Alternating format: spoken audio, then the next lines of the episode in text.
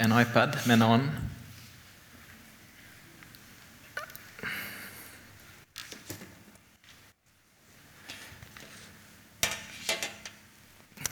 Hei sann, hjertelig velkommen på møte i Misjonssalen. Håper du har eh, slått deg godt til rette. Jeg heter Kristian eh, Silje Holte. Jeg eh, er en masterstudent på Fjellhaug. Og planen er jo da etter endt mastergrad at jeg skal kalle meg teolog. Det er en skummel betegnelse, men vi får se om jeg klarer å leve opp til forventningene. Det får se. Jeg er gift med Sara Elise. Hun har eh, strevd seg gjennom sykdom denne uken og kommet seg hit til Misjonssalen i dag, så jeg slapp å gjennomgå denne talen her før, før eh, hjemme i stuen, da, som jeg gjorde i går. Så det er bra. Eh, teksten og temaet i dag, evangeliet langs veien, forstår du det du leser? Philip og den etiopiske hoffmannen. I misjonssalen er det sånn at vi går gjennom teksten fra apostlenes gjerninger. Og Det gir jo en forutsigbarhet, så de som går i menigheten her, vi som går her, vi kan vite hva som kommer. Muligheten til å forberede oss. Men før jeg leser teksten og eh, deler noen tanker om det, så skal jeg fortsette å be til Jesus. Kjære Herre og Frelser, Jesus Kristus. Takk for den du er. Takk for at du er sannheten. Du sier det sjøl. Takk, Jesus, for at du eh, holdt ut den lidelsen du måtte gå gjennom her på jord, for vår skyld. Takk, Jesus, for at det ikke frelse i noe annet navn enn ditt. Og du ser, her om det sitter noen her inne i kveld som ikke kjenner deg, som ikke vet hvem du er. Jeg ber deg, Jesus, om at du med din Hellige Ånd får komme inn i hjertet, og få gripe det og få bli der. Du ser, Jesus, jeg er bare et menneske. Jeg ber deg, Herre, om at ditt ord må få møte noen her i kveld. At ditt ord må bli levende for oss alle sammen. Jeg legger alt som skal skje her, i dine hender. I ditt navn. Amen.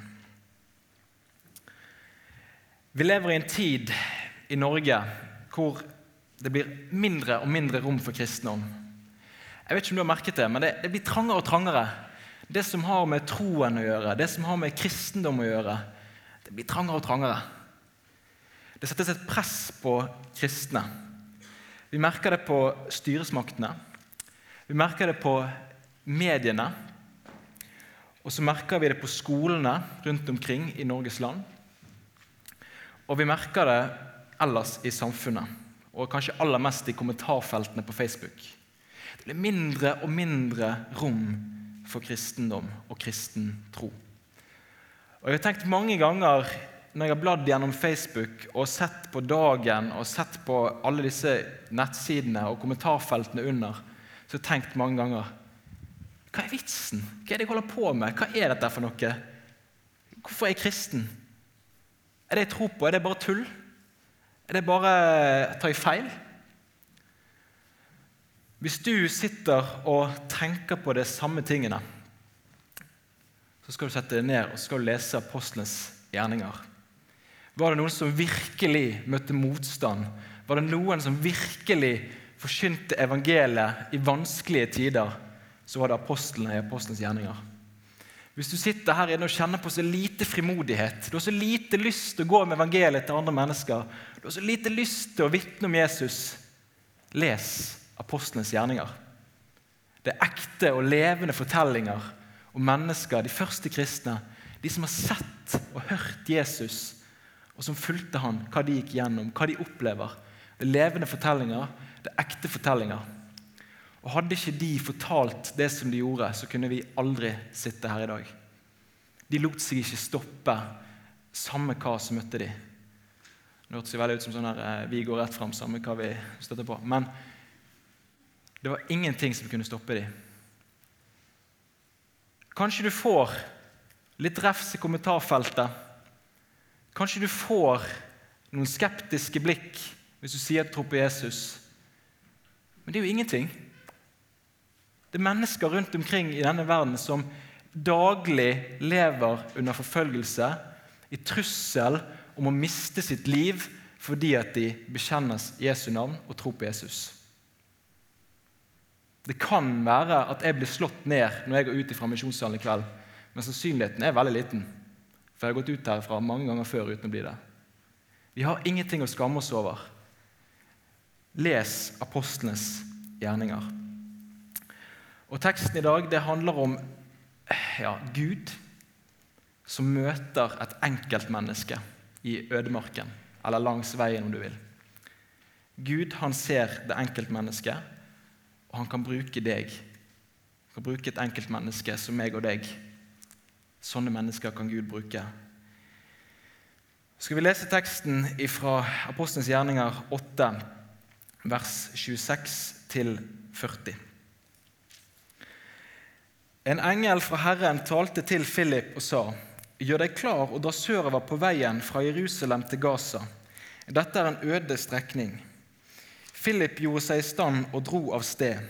Han fikk se en etiopisk hoffmann, en høy embetsmann som hadde tilsyn med skattkammeret hos Kandake, dronningen i Etiopia. Han hadde vært i Jerusalem for å tilbe. Nå var han på vei hjem og satt i vognen sin og leste fra profeten Isaiah. Da sa ånden til Philip, Gå bort til vognen og hold deg tett opptil den. Philip sprang bort, og da han hørte at han leste fra profeten Isaiah, spurte han, Forstår du det du leser? Hvordan skal jeg kunne forstå, sa han, når ingen forklarer det for meg. Så ba han Philip komme opp i vognen og sette seg ved siden av ham. Det stykket i Skriften han holdt på å lese, var dette. Lik en saus som føres bort for å slaktes. Lik et lam som tier når det klippes, åpnet han ikke sin munn. Da han var fornedret, ble dommen over ham opphevet. Hvem kan fortelle om hans ett, for hans liv er tatt bort fra jorden? Hoffmann sa da til Philip, si meg, hvem er det profeten taler om her? Er det om seg selv eller om en annen? Da tok Philip til ordet. Han begynte med dette skriftstedet og forkynte evangeliet om Jesus for ham. Mens de kjørte langs veien, kom de til et sted hvor det var vann. Og hoffmannen sa, Se, her er vann. Hva er til hinder for at jeg blir døpt? Philip svarte, Hvis du tror av hele ditt hjerte, kan det skje. Da sa han, Jeg tror at Jesus Kristus er Guds sønn. Så lot han vognen stanse, og de steg ned i vannet, både Philip og hoffmannen, og Philip døpte han. Da de steg opp av vannet, rykket Herrens ånd Philip bort, og hoffmannen så ham ikke lenger. Han fortsatte lykkelig videre på sin vei, men Philip viste seg senere i Ashod, og han forkynte evangeliet i alle byene han reiste gjennom, helt fram til Cesarea. Another day at the office for Philip. Apostlenes gjerninger da leser vi om den første tiden i Israel. Og I de første kapitlene der så ser vi at situasjonen som utviklet seg etter Jesu oppstandelse, det var en tid hvor det var vanskelig å bekjenne Jesu navn. Det var trangt. Disiplene som eh, hadde fulgt Jesus, de var nå redde. De var engstelige, og det så ut som at Jesu motstandere hadde vunnet og endelig klart å bli kvitt Jesus. Disiplene som hadde vandret med Jesus, de satt nok i sine egne hjem og var redde for hva som kom til å skje. Det hele så så mørkt ut. Men Jesus han sto opp fra de døde og ble tatt opp til himmelen. Og så sender han Den hellige ånd til verden på det som vi kaller for pinsedag. Og Der skjedde det et språkunder, og så kunne disiplene forkynne på forskjellige språk. Og Det språkunderet som skjedde, det var en, et tegn på en ny tid. En ny tid var begynt, og evangeliet skulle forkynnes for alle folkeslag.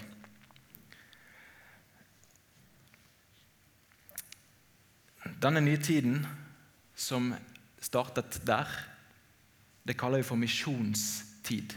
Og den er fortsatt. Nå er det misjonstid. I dag er det misjonstid. Og eh, Den hellige ånd er fortsatt virksom. Den samme ånden, den samme guden, er fortsatt virksom i dag.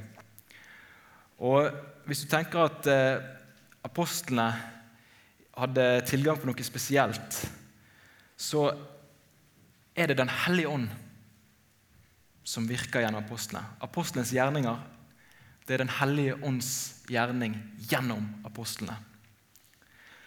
Men på pinsedagen så skjedde det òg et annet under. 3000 mennesker kom til tro og ble frelst. 3000. Det var litt av et vekkelsesmøte. 3000 mennesker kom til tro på én dag. Og Så står det det at de som ble frelst, de holdt seg trofast til apostlenes lære, til fellesskapet, til brødsbrytelsen og bønnene. Og Siden den gang så har kirken, den kristne kirke holdt seg til de tingene. Bønnen, nattverden, fellesskapet, menigheten og apostlenes lære, Skriften, Guds ord. Budskapet om Jesu oppstandelse det nådde hjertene og forfølgelse og motstand. Det kunne ikke stoppe det. Det var ingenting som kunne stoppe det. Og det samme vi, ser vi i verden i dag. Det kan se smått ut i Norge. Få av oss har kanskje fått oppleve det å lede andre mennesker til Jesus. Men så kan vi lese om Iran, f.eks. Tusenvis blir kristne as we speak. Tusenvis av mennesker går over fra sin muslimske tro til troen på Kristus Jesus i Iran. As we speak. Det skjer nå, folkens. Fantastiske mirakler som skjer i Iran, i huskirkene og husmenighetene der. Og I Apostels gjerninger så leser vi videre om Peter og Johannes og de andre apostlene som forkynner ordet, og mennesker kom til tro. Hva er det som gir vekkelse? Hva er det som skjer? Jo, det er, hva er det som gjør at mennesker kommer til tro? Det var noen som forkynte ordet. De forkynte budskapet om Jesus, det eneste navnet som kan frelse.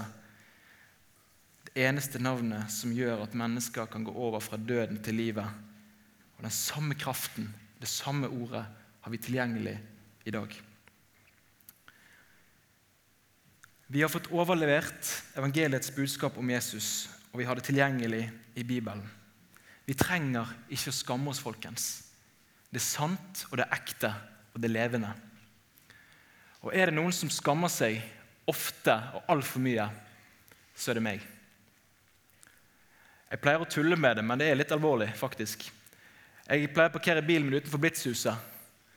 Og Jeg tenker liksom sånn der, jeg må gjemme Bibelen, fordi jeg kan ikke gå forbi Blitzhuset med Bibelen. Da blir jeg banket opp.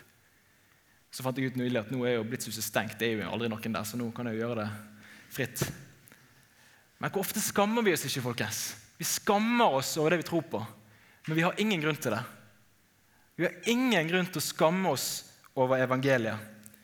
Sånn som Paulus sier det i Roman 1,16.: For jeg skammer meg ikke over evangeliet.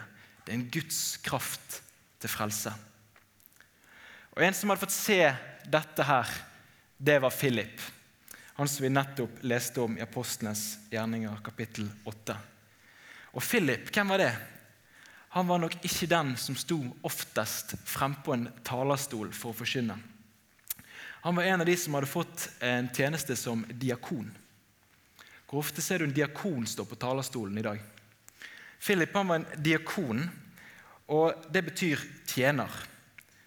Han var nok en som tok av seg praktiske ting og hjalp, til, hjalp menighetens medlemmer og tok på seg administrative oppgaver.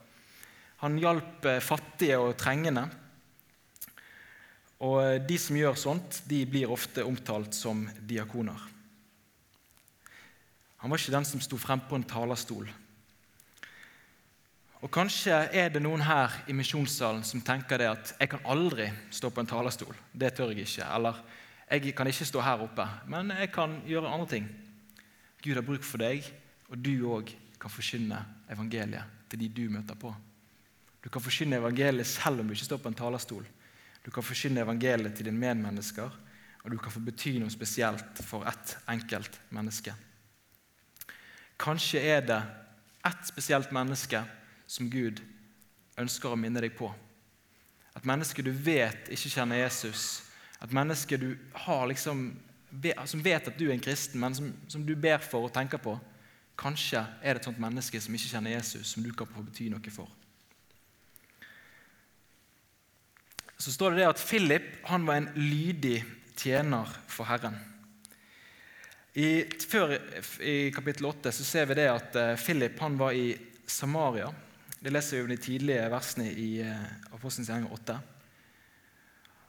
Og Han sto i det som vi kaller for vekkelse. Han forkynte ordet, og mennesker kom til tro. Det fins ingen bedre situasjon å være hvis du forkynner evangeliet, og så kommer mennesker til tro. Det er en stor opplevelse. Han forkynte evangeliet om Guds rike og Jesu Kristi navn, og mange mennesker lot seg døpe. Philip sto altså i en veldig behagelig og komfortabel situasjon før Den hellige ånd og Gud sjøl griper inn i livet hans. Og hva er det Gud sier til eh, Philip? Dra, gjør deg klar og dra sørover på veien fra Jerusalem til Gaza. Dette er en øde strekning. Philip står i vekkelse i Samaria og får beskjed om å gå til en øde strekning. Det var det han fikk vite. Og hva står det? Philip gjorde seg i stand og dro av sted. Nølte ikke. Han gjorde seg klar, dro av sted. Stolte på Gud, hadde tillit til han. Og han ble sendt ut fra en stor vekkelse til ett enkeltmenneske. Gud han ser til den enkelte, og så sender han Philip til en mann som søker Gud. Og Den etiopiske hoffmann, hva er nå en hoffmann? Vi kan kalle Han for, eh, han var kanskje en økonomisjef for dronningen. Hadde en stor, eh, stort verv der i Etiopia. Og På veien her så sitter han og leser ifra Jesajas bok. Og Philip han var klar. Han overhørte hva denne her etiopiske hoffmannen sa og leste, og gikk på åndens ledelse. Gå bort til vognen og hold deg tett opp til den. Han satt og leste ifra Jesajas bok. Kanskje så sitter det mennesker i Oslo by og leser Bibelen, men det har ikke peiling på hva de leser. Kanskje sitter det noen mennesker i Oslo som har gått på barneskolen, som har vært konfirmerte, men de har ikke grepet det som Bibelen snakker om.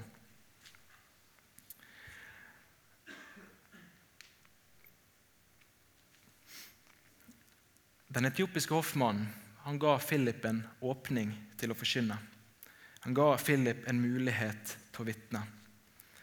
Og Philip han sto ikke på en talerstol med ovenifra og nedholdning Nei, han satte seg ved siden av denne etiopiske hoffmannen. Han fikk lov å sitte ved siden av, og så sitter de med en åpen bibel, og så leser de fra Jesaja 53. Lik en saus som føres bort for å slaktes, lik et lam som tier når det klippes, åpnet han ikke sin munn, leser den etiopiske hoffmannen.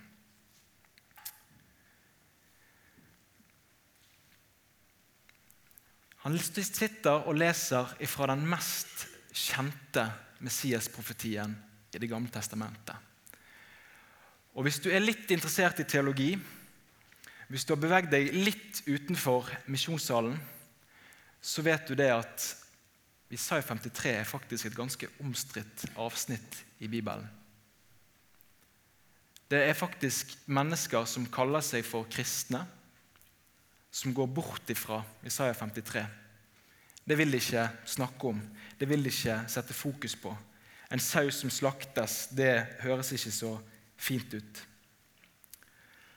Så det er mange som hevder det at Jesus ikke ble straffet for våre synder.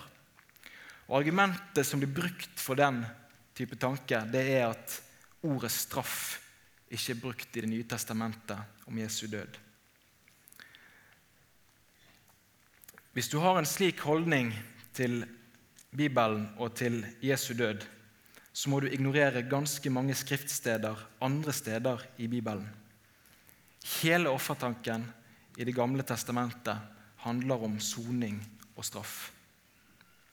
Jesu død oppstandelse er en oppfyllelse av Gamle testamentets løfter om den kommende Messias og Herrens tjener. Og Likevel er det bare ett sted i Bibelen hvor straff nevnes helt eksplisitt. Og det er der den etiopiske hoffmannen sitter og leser. Straffen lå på ham for at vi skulle ha fred. Skal vi lese det som står i Isaiah 53, fra vers 3 til vers 6. Han var foraktet, forlatt av mennesker, en mann av smerte, kjent med sykdom, en de skjuler ansiktet for. Han var foraktet, vi regnet ham ikke for noe. Sannelig, våre sykdommer tok han, våre smerter bar han. Vi tenkte han er rammet, slått av Gud og plaget. Men han ble såret for våre lovbrudd, knust for våre synder. Straffen lå på ham, vi fikk fred. Ved hans sår ble vi helbredet. Vi gikk oss alle vill som sauer, hver tok sin egen vei. Men skylden som vi alle hadde, lot Herren ramme han. Han ble mishandlet, han ble plaget, og han åpnet ikke munnen, lik et lam som føres bort for å slaktes, lik en sau som tier når den klippes, og han åpnet ikke munnen. Dette er en tekst jeg vender stadig tilbake til i mitt kristenliv. Jeg vet ikke om du har tenkt på det før, men du kan faktisk erstatte der det står 'han'. Der kan du sette Jesus inn. Og der det står 'våre' eller 'vi', der kan du sette inn ditt eget navn. Se hva Jesus har gjort for deg. Se hva evangeliet er. Han har tatt det straffen jeg har fortjent. Han tok frivillig på seg ansvaret for mine feiltrinn, for min synd.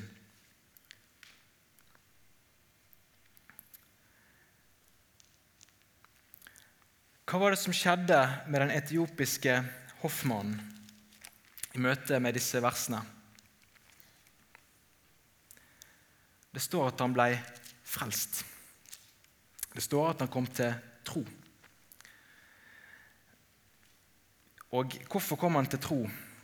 Jo, han sitter og leser denne teksten, og så sier Philip at, eller så står det om Philip han begynte med dette skriftstedet og forkynte evangeliet om Jesus for ham. Han tok utgangspunkt i Isaiah 53 og forkynte evangeliet om Jesus for ham. Og kan Philip forkynne evangeliet om Jesus for noen ut fra Isaiah 53, så skal du òg få lov til å gjøre det. Den etiopiske hoffmannen han møtte Jesus gjennom Ordet. Det var Gud som møtte den etiopiske hoffmannen gjennom kraften i evangeliet. Får du sagt noe om Jesus, så kan et menneske bli frelst. Den etiopiske hoffmannen forsto at det var Guds sønn det sto om i Isaiah 53. Og Så spør han hva er det som er til hinder for at jeg skal bli døpt. Og Så svarer, den, så svarer Philip hvis du tror av hele ditt hjerte, kan det skje. Kanskje sitter du og tenker hvordan kan jeg tro av hele mitt hjerte? Det høres ut som en prestasjon som jeg må streve for å få til. Jeg må tro så sterkt av hele mitt hjerte. Og Jeg har tenkt på det mange ganger. Jeg nevnte det i går.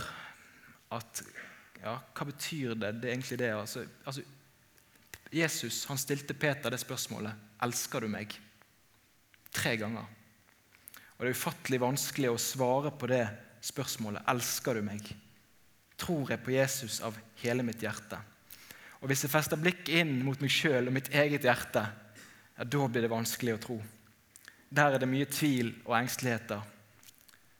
Men hva gjør det med Jesus? Hva gjør det i møte med det budskapet du hører? Det kan skje noe med deg når ånden og kraften i evangeliet får røre ved et menneskehjerte. Et annet spørsmål du kan stille når Jesus stiller spørsmålet 'Elsker du meg?' det er 'Kan du være foruten Jesus?' Er det noe du heller vil ha enn Jesus? Er det noe i ditt liv som du ikke vil gi slipp på for Jesus sin skyld?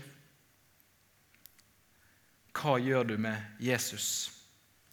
Den etiopiske hoffmannen han kunne ikke være foruten Jesus. Han tok hele sitt hjerte med. Både de sidene som er vanskelig å snakke om, de sidene hvor han er sint på Gud, de sidene han er, har syndet grovt imot Guds bud, Guds bud men òg de gode sidene med livets, livet her på jord. Hele seg.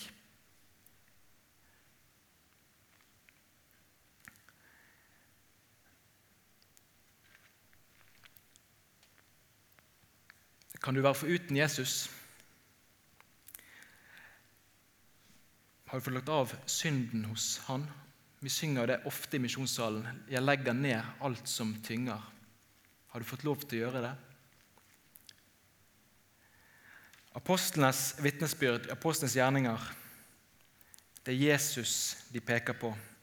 Han som de har sett og hørt. Ikke noe annet navn som vi kan bli frelst ved. Jesu navn, folkens, det er evig. Det er ingen som kan utslette det. Ingen, ikke et eneste menneske på denne jord, kan utslette Jesu navn. Og det er det vanvittig mange som har prøvd på. Det er ingen som kan slette ut navnet Jesus.